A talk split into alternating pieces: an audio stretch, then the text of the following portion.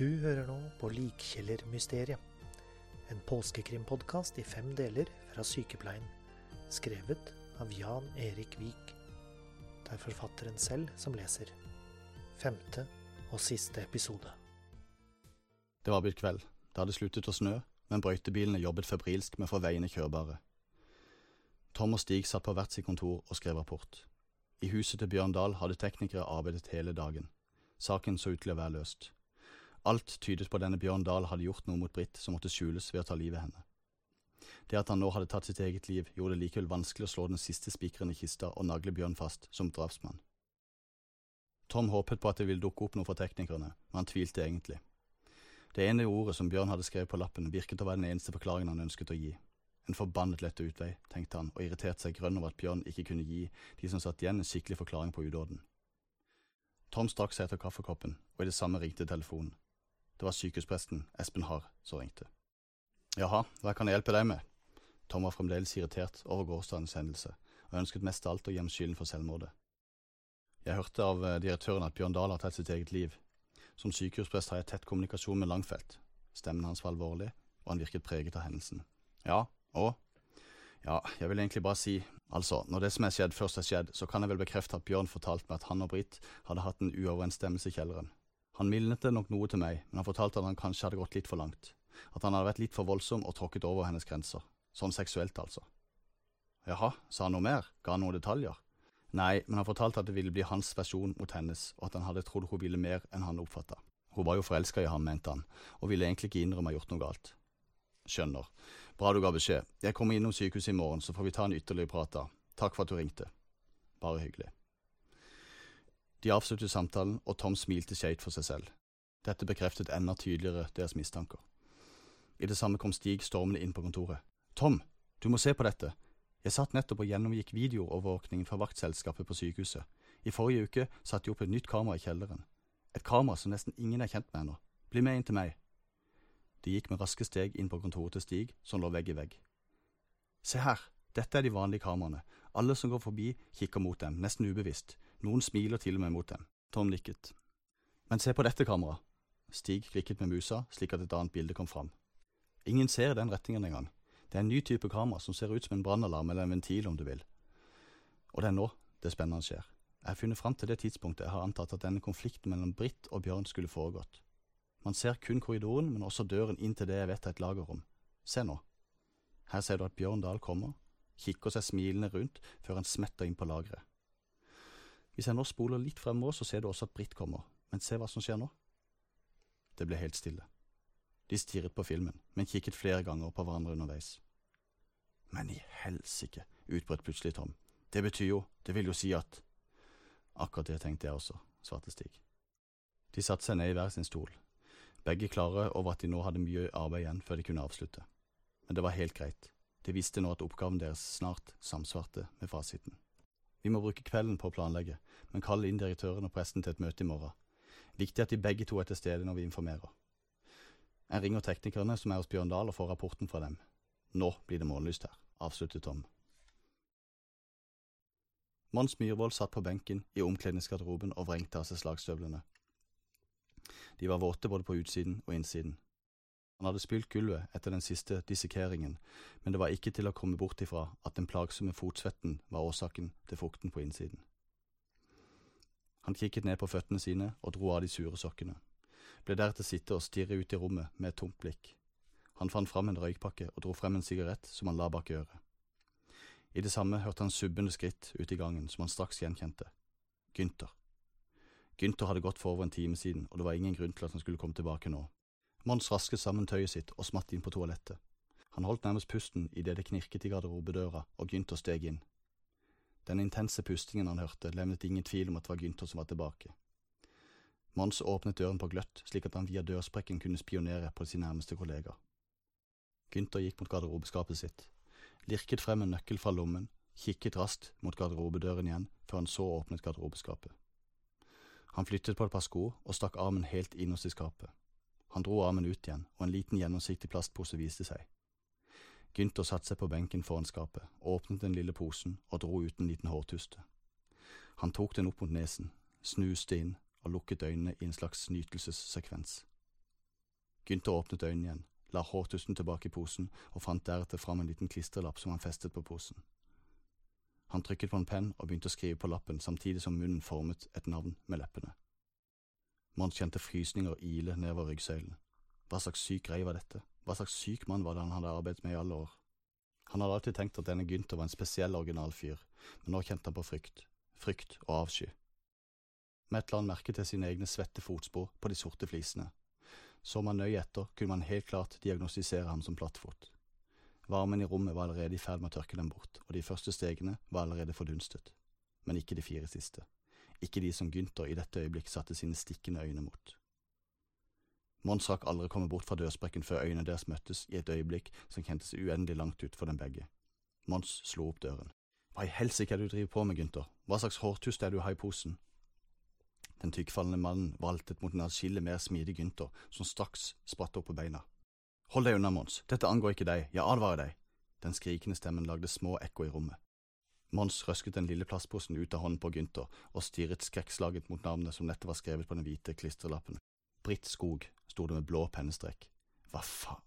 Mons rakk aldri å fullføre bannskapen før han kjente to hender som dyttet ham så hardt bakover at han falt over ende. Han slo hodet mot flisene. Sekunder etter kjente han iskalde, lange fingre slynge seg omkring halsen som grådige røtter. De presset hardt over adamseplet, og han merket at pusten forsvant. Det vanligvis så bleke ansiktet til Gynter hadde mer farve enn vanlig. Det var ildrødt med en pumpende blodåre som lå skrått over pannen. Han skrek til Mons samtidig som han presset mot halsen. Men Mons hørte ingenting lenger. Sansene var i ferd med å forsvinne.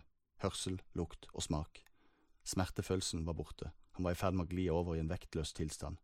Det eneste som fungerte, var synet, selv om også det begynte å bli slørete. Han klarte å vri øynene såpass mye at han oppdaget en vaskenal som lå på gulvet rett bortenfor ham. Han strakte desperat armen ut etter den, manglet akkurat et par centimeter på å nå den. Forsøkte igjen, og kjente denne gangen at fingertuppen tok borti den. Han gjorde en siste kraftanstrengelse. Det så ut som øynene hans skulle sprette ut i forsøket, men han lyktes. Han fikk et fast grep om stålnalen. Direktøren og presten satt rundt et ovalt konferansebord i enden av kontoret da Stig og Tom entret rommet dagen etter. Hei, så flott at det er på plass allerede. Som dere begge vet, så er vi nå i en fase av etterforskningen hvor de siste trådene nøstes opp, og etter hendelsen med Bjørn i går, så vet jeg jo litt hvordan saken ligger an. Vi må ha dere med på laget i så måte. Presten og direktøren nikket, begge med et alvorlig uttrykk i ansiktet. Ok, da starter vi. Stig, kan du fortelle litt om de tekniske funnene omkring drapet på Britskog? Stig reiste seg og holdt en liten mappe i hånden. Han åpnet den og begynte så med utredningen sin. Britt Skog ble drept omtrent ett døgn før hun ble oppdaget på kjølelageret. Dødsårsaken skal vi komme tilbake til, men det jeg kan si, er at det er ikke noen fysiske skader på henne. Hun er verken mishandlet eller slått. Vi er videre rimelig sikre på at det er drapsmannen selv som har trillet henne inn på kjøla. Drapsmannen har med andre ord hatt tilgang, altså nøkkelkort, til kjølelageret. Jeg har sjekket Bjørn Dahl sitt kort, og han hadde full tilgang til alt i kjelleren, bekreftet direktøren. Stig stikket seg om munnen og fortsatte. Så til dødsårsak. Britt Skog er blitt forgiftet av en cocktail med ulike sterke medisiner. Likevel er det virkestoffet fra ett spesielt preparat som skiller seg ut. Vi mener ganske sikkert at dette medikamentet er Lanoxin. Felleskatalogen forteller at denne medisinen brukes for følgende lidelser hjertesvikt, paroxysmal supraventrikulær tachyardi, atrieflimmer, flutter. Den finnes både i tablettform og som injeksjonsvæske. Britt hadde en større dose av dette i kroppen sin. Det var så stille på kontoret at man kunne høre den berømte knappenålen falle. Presten sukket og ristet oppgitt på hodet. Stig fortsatte. Det viser seg at det er samme medisincocktail som Bjørn har tatt en overdose av. Hvilke mengder han har fått i seg, vet vi ikke ennå, men det har for så vidt mindre betydning. Det at Lanoxin også er fremtredende her, anser vi som viktigere. Så det bekrefter egentlig at det er Bjørn som har tatt livet av Britt. Direktøren sa det mer som en bekreftelse enn et spørsmål. Stig svarte ikke, men lukket mappen og satte seg ned igjen. Takk, Stig, da tar jeg litt over. Tom reiste seg. Vi har hatt flere mistenkte på blokka vår. Tom viste hermetegn med fingrene. Vi har hatt samtaler med denne Mikael Mikke Søderlund, den svenske portøren som ingen liker, men som elsker seg selv. Han var veldig pågående mot Britt, og vi tenkte vel egentlig at det var mer likt en person som han å gjøre et fremstøt på et lager i kjelleren enn Bjørn Dahl. Men man skal ikke skue hunden på hårene. Tom tok en liten kunstpause og kikket på de to tilhørende som konsentrert fulgte med. Tom smalnet øynene før han slang ut neste setning. I går kveld skjedde likevel noe som gjorde at saken tok en ny, overraskende vending. Gunther, laborantassistenten, har hele tiden vært i søkelyset vårt, og i går kveld fengslet vi ham for drapsforsøk på sin kollega Mons Myhrvold. Hva sier du? Direktøren rettet seg opp på ryggen og dro av seg de ovale lesebrillene sine. Ja, han forsøkte å kvele Mons i garderoben i går. Kvele ham, hvorfor det? Presten så overrasket på Tom. Mons overrumtet han i garderoben da han holdt en liten plastpose med en hårtuste oppi. Hårtusten viste seg å være fra den avdøde Britt Skog. Presten og direktøren satt begge med munnen åpen. De trodde knapt det de hørte. Da Mons konfronterte ham med det, angrep Gynter ham og tok kvelertak. Takket være en glemsk rengjøringsdame som hadde forlatt vaskenalen på gulvet, så fikk Mons svimeslått ham i siste øyeblikk. Det var rett før vi fikk enda et offer. Men vil det si at ikke Bjørn er morderen likevel, da? Direktøren hadde spørrende uttrykk i ansiktet. Tom svarte ikke på spørsmålet, men endret helt uventet fokus. Visste jeg forresten om det nye kameraet i kjelleren? Det som vaktselskapet monterte forrige uke? Tom satte seg ned. Begge to ristet på hodet og kikket spørrende på hverandre. Jeg skal vise et lite opptak etterpå, men først vil Stig overta litt igjen. Stig? Ja, da var det min tur igjen. Han reiste seg og smilte kort mot de to tilhørende. Jeg skal ikke si så mye, men jeg vil fortelle litt om funnet hos Bjørn Dahl. Bjørn har som sagt fått i seg en dødelig dose medisiner via et større glass vin. En lapp med ordet sorry ble funnet under glasset. Dette indikerer tydelig at han påtar seg skylden for drapet på Britt. Men vi mistenker derimot at han er blitt forgifta, han også. Vi tror noen har vært hjemme hos ham og servert ham dette vinglasset og arrangert hele settingen. Men, men da ville det jo vært fingertrykk på glasset etter en annen gjerningsmann. Hadde jeg sjekket det? Presten rettet seg våkent opp på stolen. Klart vi har, og det er et godt poeng, fortsatte Stig. Det som derimot gjør oss så sikre på at det er en annen gjerningsmann i bildet, at det ikke er fingeravtrykk på glasset. Så morderen har altså fjernet dem. Hm, Gunther, nærmest hvisket direktøren. Morderen har fjernet dem, ja, svarte Stig kort, før Tom fullførte. Men han har fjernet Bjørn Dahl sin også. Det er overhodet ingen fingeravtrykk på glasset. Tom dro en hånd gjennom håret og lot til å stå og tenke et par sekunder. Jeg har lyst til å vise dette videoopptaket jeg snakket om, men først vil jeg bare fullføre historien om Gunther. Tom smilte skjevt. Vi har i natt gjennomsøkt leiligheten til Gunther, og hver eneste lille centimeter er sømfart. Det vi har funnet er rystende. I kjelleren oppdaget vi fire store bokser fylt med lignende små plastposer med hårtuster. Alle er nøye merket med navn og dato. Dato for når dissekeringen er utført. Det er rett og slett arkivert.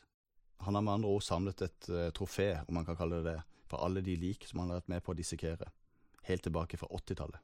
Men i himmelens navn! Det er godt å få buret inn slike mennesker, utbrøt presten. Ja, jeg vet, fortsatte Tom. Det er både sykt og det er ulovlig. Men han er likevel ikke drapsmann til Britskog. Tom reiste seg, gikk bort til en serveringstralle hvor det sto en mugge med vann, helte seg et glass som han løftet mot munnen, pekte på Stig og sa, Nå tenker jeg at vi ser på det videoopptaket, Stig. Tom åpnet den bærbare PC-en sin og klikket et par ganger med musa. Følg med nå, mine herrer. Her ser dere et kamera fra korridoren ned i kjelleren.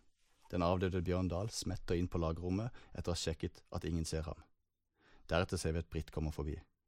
Stopper utenfor døren og blir stående her i nærmere to og et halvt minutt. Som dere ser, går hun faktisk aldri inn. Hun står og lytter, men haster plutselig av gårde. Deretter, ca 30 sekunder etterpå, kommer en rødmuset og svett Bjørn Dahl ut av døren igjen.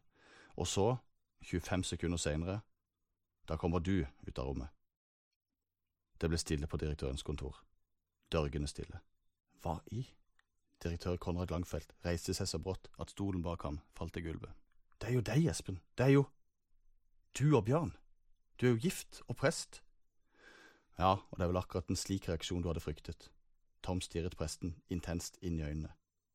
Vi fant nemlig klare indikasjoner hjemme hos Bjørn på at han var homofil. Det kan virke som ingen på sykehuset var klar over det, ettersom halvparten av damene la seg etter ham, men en som i hvert fall ville holde dette skjult, det var deg, Espen.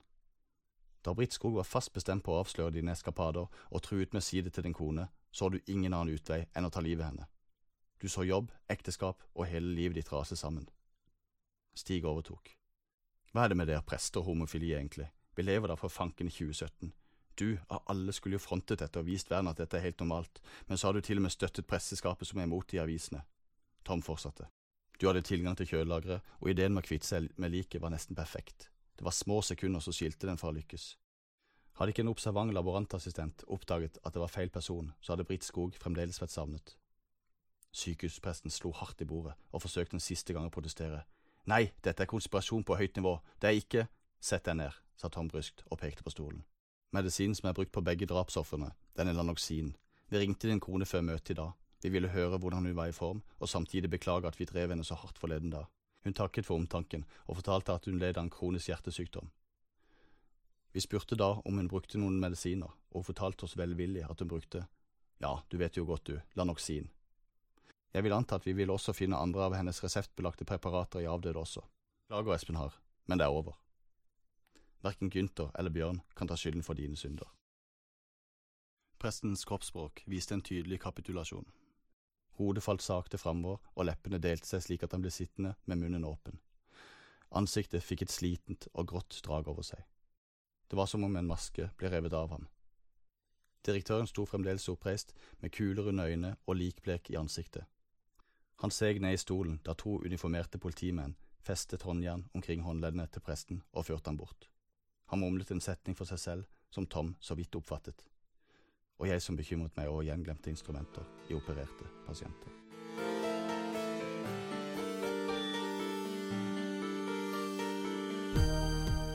Du har hørt femte og siste episode av Sykepleiens påskekrimpodkast Likkjellermysteriet av Jan Erik Vik.